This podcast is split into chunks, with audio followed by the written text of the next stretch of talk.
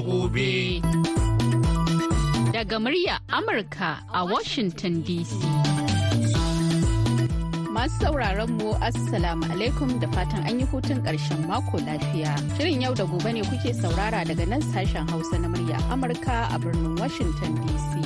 A kan mitoci 25 da 31 da kuma 41. Ana kuma iya kama mu a birnin Yamai na jamhuriyar Nijar a VOA Africa kan mita 200.5 zangon FM. Sai kuma wasu tashoshin na zangon FM a jamhuriyar Nijar da suka hada da rediyo amfani da sarauniya da kuma niyya. A can kuma si ƙasar Ghana kuma za a iya kama mu ta Alfa Radio. Sannan za a iya jin mu yanar gizo a voahausa.com ko kuma sashen hausa.com. Ni Zahra Aminu Fage zan gabatar da shirin. Duk ranar Litinin shirin yau da gobe na tattaunawa ne akan zamantakewa da ma'amala. A yau goma sha biyar ga watan Janairu na shekarar 2024. Za mu yi magana ne akan tsarabe-tsaraben aure.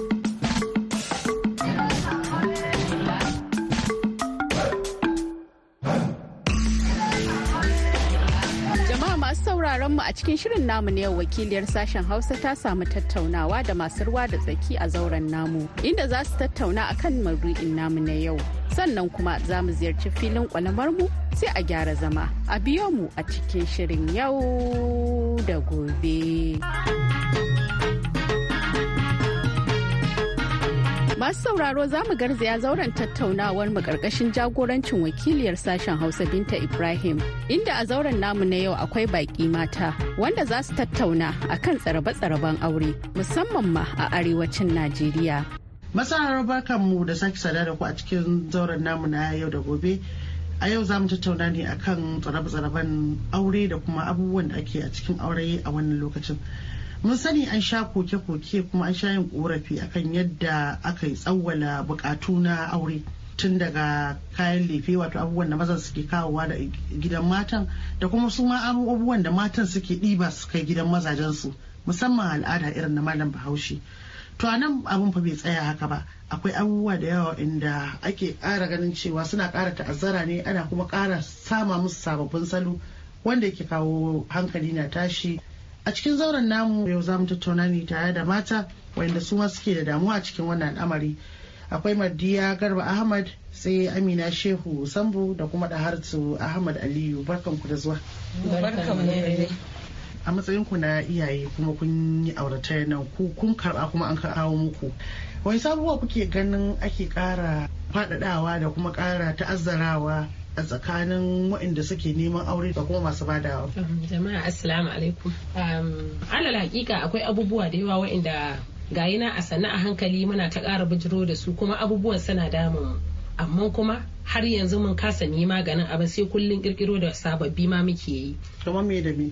mu je tun farko ma daga yanayin yanda neman auren yake da kuma yanayin yanda idan an nemi auren aka za a yi hidiman maganan auren kin ga kamar yanzu in aka zo maganan neman auren a musulunci mun san kowa ya san cewa duk lokacin da yaro ya ga yarinya yana son ya aure ta an ce ya tuntuɓa iyayenta kafin ya zo ya same ta. To yanzu ƴaƴan mana yanzu ba haka ne abin yake a wajen su ba. Sannan bayan sun gama abubuwan su a waje daga baya aka shigo cikin gida aka zo aka sanar da iyaye suka san wannan magana aka sa lokaci aka tseda to sai kuma magana na hidindimun yaya bikin zai kasance.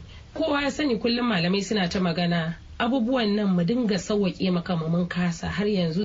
Idan za ka aurar da yarinyanka ba a ce dole sai ya kawo maka kayan lefe kai kuma kayan mishi kayan ɗaki ba. Kin ga number one kenan. A'a to duk lokacin da zaka aure da yarinya tunanin wannan abin yakan sa iyaye su kasa sukuni a cikin rayuwarsu. Saboda duba da yanayin cewa yar gidan wance da za a auren ta irin abu kaza aka yi mata. Yarinyan ƙawata da za a auren ta an mata kaza. Wato kukan yi gasa ke yawwa shi kansu ta wurin ɓangaren su ma mazajen haka ne. Abokina wanda da zai aure a irin akwatuna kaza ya siya. To ni ma ina son in yi ƙoƙari in ga na yi irin wani a'a ya saka mata turmi kaza ne. A'a ya saka mata awarwaro ko kuma dan kunni a ya sai ma zobe ya saka. To ni ma ya zan yi in yi ƙoƙari in kawo wannan abu. Mm, a fita kunya. A fata kunya. To irin wa'annan abubuwa abubuwa ne wa'inda gaskiya tsakani da Allah suna damun mu a cikin al'umma kuma har yanzu mun kasa mu kawo matsaya akan wannan abu. Assalamu alaikum. Gaskiya wannan maudu'i ne mai matuƙar mahimmanci wanda kuma mu al'ummar Hausawa, mutanen Arewa, Najeriya muke kuka da irin waɗannan ɗabi'u waɗanda suke ba al'ada ba ce ma.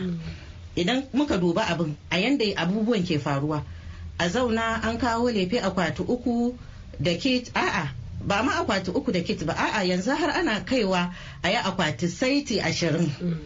saiti ashirin ina nufin uku uku da kit uku uku da kit har so ashirin so goma so sha biyar duka muna ba shago ba ne an kai shi ne an kai ma yarinya ƙwaya ɗaya ƙwaya ɗaya ita za ta saka waɗannan kaya muna tunanin nan gaba ƴaƴanmu da za su aura Hmm. ina za su samu matan wanda ƙarfinsu zai iya kaiwa su aure su yi auren mu ma bayar wanda za mu yi irin kayan ɗakin da ake yi kaya an tafi ƙasa kaza an sai kaya kala kaza an yi abu kaza mu iyayen mu sanda suka aurar da mu abin da suke fara tanaji shine yan tukwanen da za mu je mai girki da su Mm. idan an kawo sadakin nan dama namu ne Hmm. sai a ɗanyi ciko in kuma ya kai ma a sai maka gadonka da ɗan katifa ya ishe ka ya ishe ka. Kuma ka je arzikin nan sai ku yi arzikin ku tare.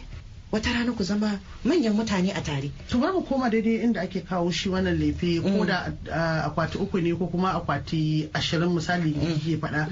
Um, akwai abubuwa da ake na al'ada na tarban su bakin da sauransu wanda nake ganin akan yi kuka akan cewa ya fara wuce gona da iri. Ya abin yake? To wannan abubuwan shi ma gaskiya akwai matsaloli a cikin shi. Domin menene za ka ga an kai kaya, za a ɗaɗɗaga kaya, za a ce wa abu kazan nan fa bai yi ba. A hakan ma dai Eh, za a ce abu kaza mu fa yarinyar mu ta wuce matsayi abu kaza. Kuma kanka ce fa wata yarinya ce mahaddaciyar alkur'ani a'a. Ita ce shugaban yan social media. ta iya to wanka Eh ta iya wanka amma ba wafa wacce ta iya kila a gidansa ma ko girkin arziki ba ta iya ba. Amma an zo ana kawowa iyaye wani zubin ma wurin kawo kayan zaka ga an tashi baran baran tsakanin dangin amarya da dangin ango. daga abin arziki? Daga abin arziki. To amma alhamdulillah yanzu na ga an dan samu sauyi saboda irin fitattunan da ke faruwa maza yanzu ake ba kayan su kai. Saboda an san halin ku? Eh an san halin mu mata. Yanzu zaka ga maza ne za a ba kayan a ce su kai. Kisa abin da yake yake kara ɗaga mu hankali? Mm. ƙarya. Ƙarya a tsakanin iyaye. Annan ake fara samun matsala. da masu karɓa eh To, annan ake. fara samun matsala. Ke kin ce yarki ba za ta auri talaka ba? Kin ce sai mai kuɗi.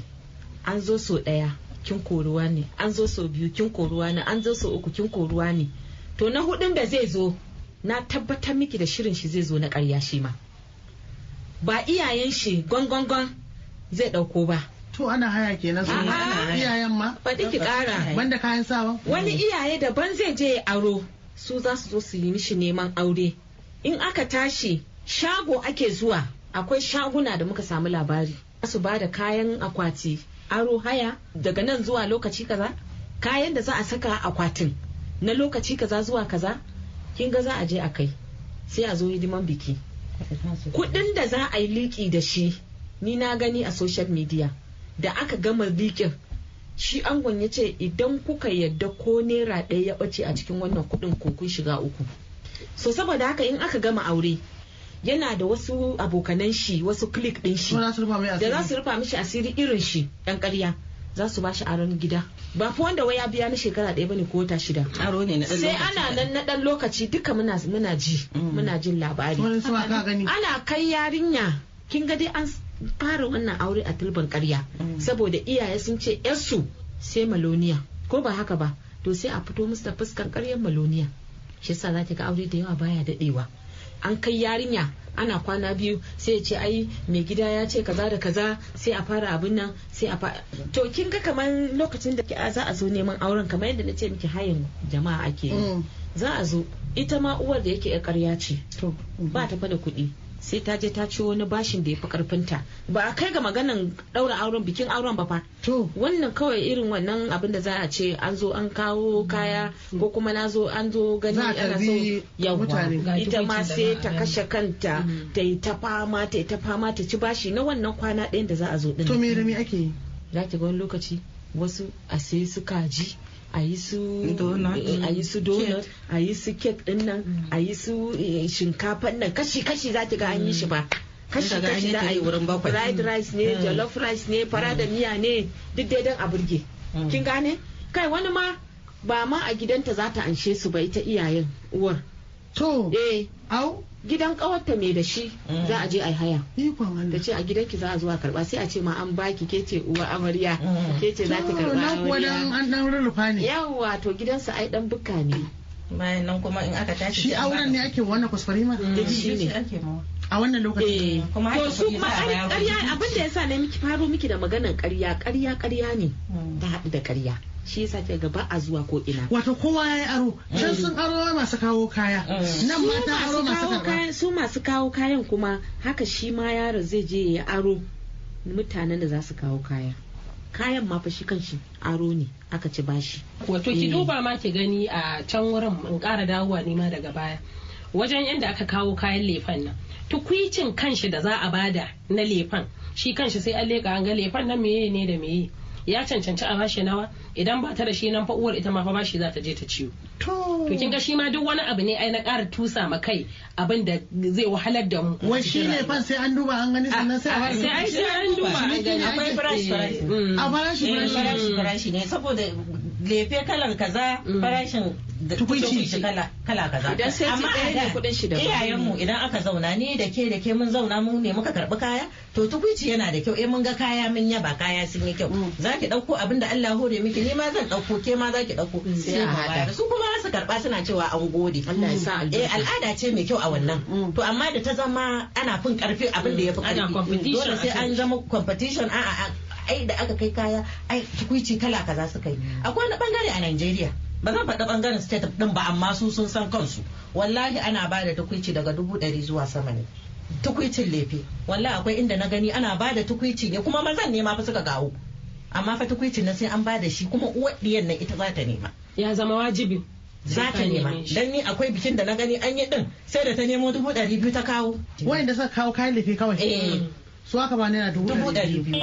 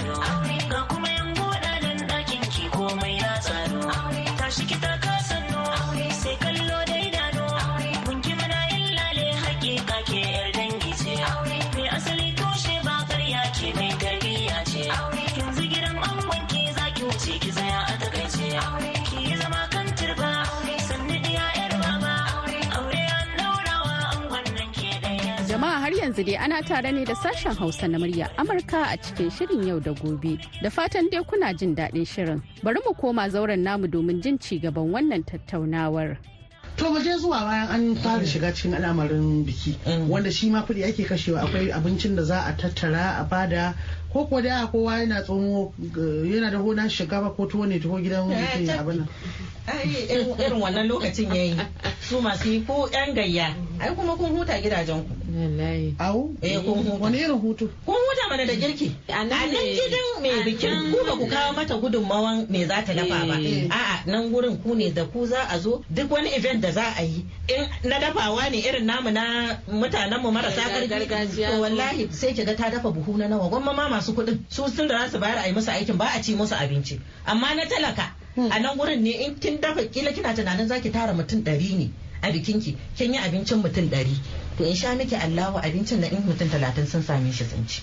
Saboda me? Yan girki sun kwashe leda ake zuwa da ita. Mm. har sai da leda ake baku a wurin girkin biki. Banda 'ya'yan gida da aka kawo aka tara. To wallahi matsalolin da muke ciki kenan. Wani abin damuwa shine za ki ga Allah ya buwaye miki tsakar gida ƙatoto Mm. wanda za ki iya kawo kujeru ki sha'aninki. Mm. ba wai ina kashe ma masu hall hall masu ɗakin taro Mm. ba wai ina kashe musu abin nan ba ne amma in kana da ƙarfi Mm. ka yi.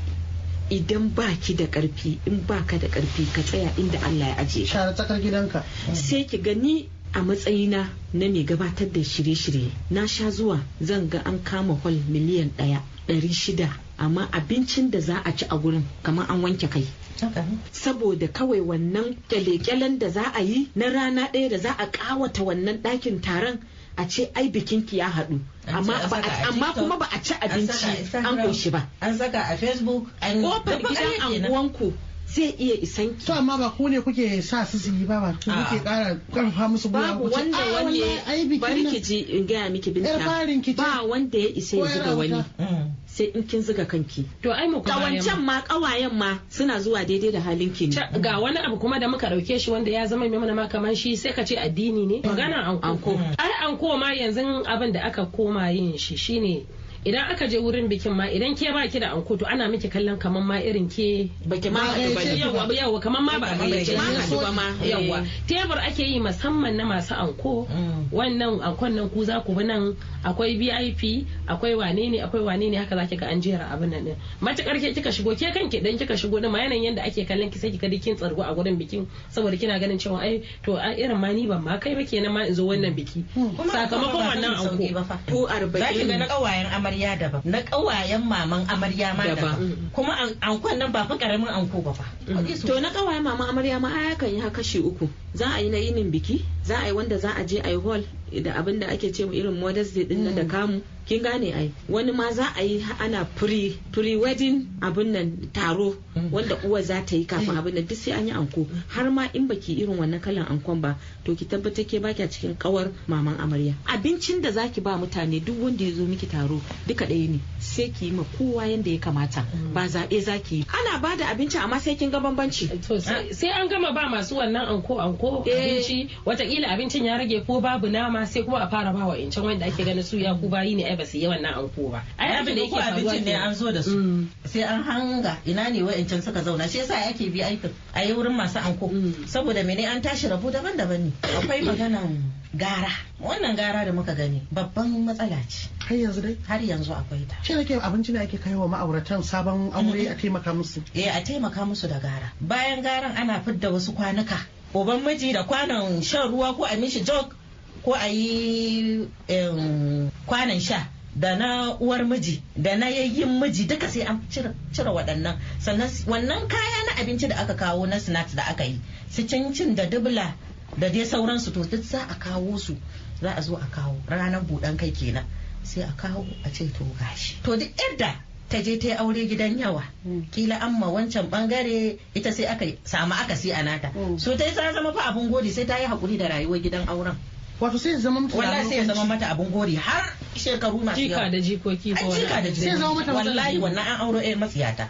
To A'a, ni akwai fa bikin da muka je. Aka ce a cire wannan tsakon da na cire na ba da na ce to gashi. Sai aka ce aka damu da shi. Aka ce wa ai wannan yayi wai kaɗan. Wai ba shi ake so ba. Na ce me ya faru? Sai aka ce wa ai zanin roba ce aka ba da na uwar mijin. Na ce to shine to tun daga wannan abin shine ya ja ma yarinyar matsala tana nan har yanzu da nake maganan nan tana fama da um, wannan abubuwan. A riƙa gori ana cewa wannan ai ranar Ana yar mata da bikin ta- eh, ana mata da magana. Nan ayu da biki ma sun ka an kasa ba ma uwar miji a tamfan arziki aka ɗauki roba aka bata. To duk irin wa'annan matsatsalolin su ne muke fama da su.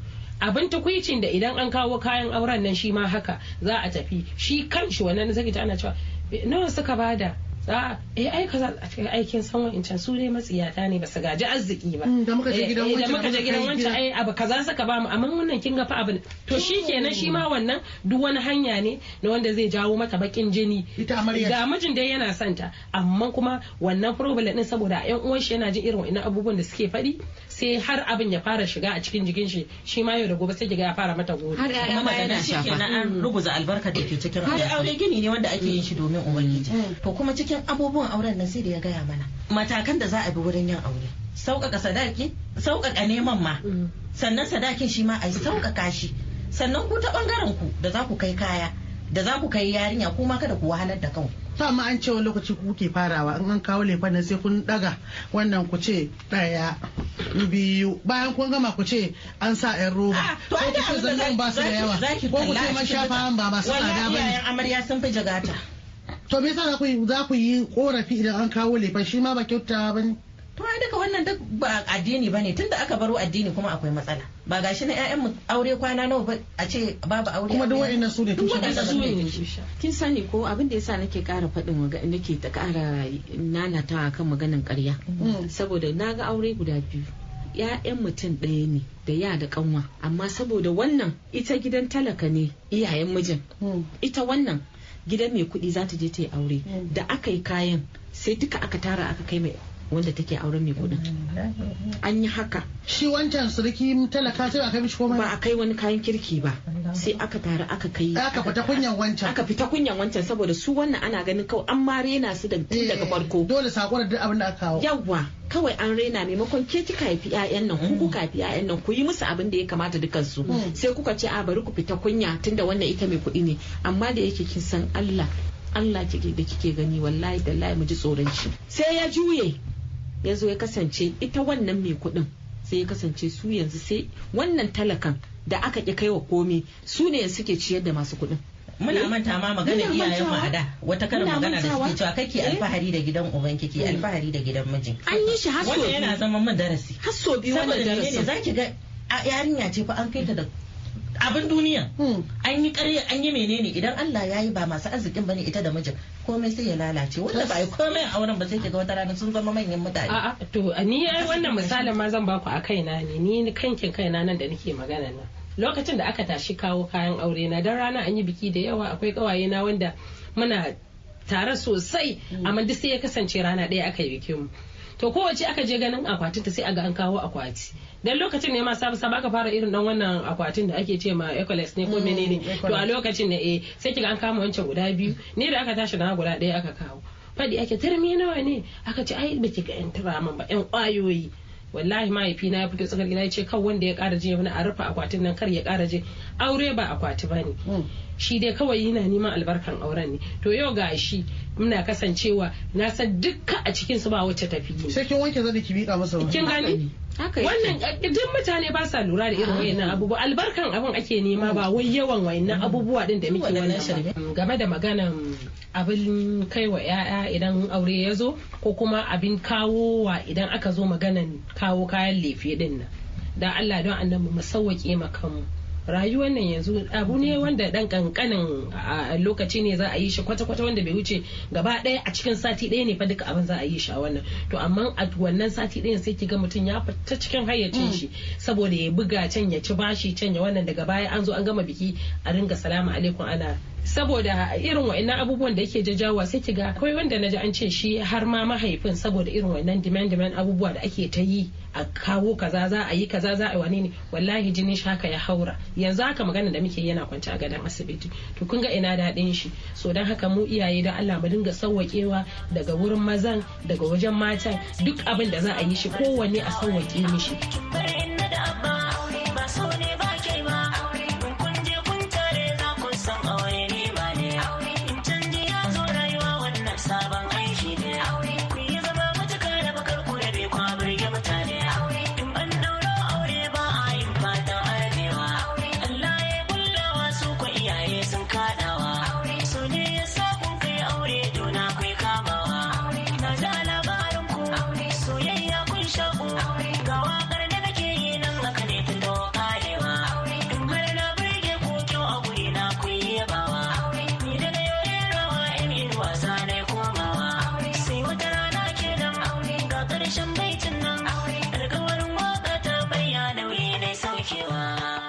Madalla, kafin mu karkare shirin namu bari mu leƙa filin kwalamar mu tare da malama Nafisa, inda za ta gabatar mana yadda ake yin kosan kifi.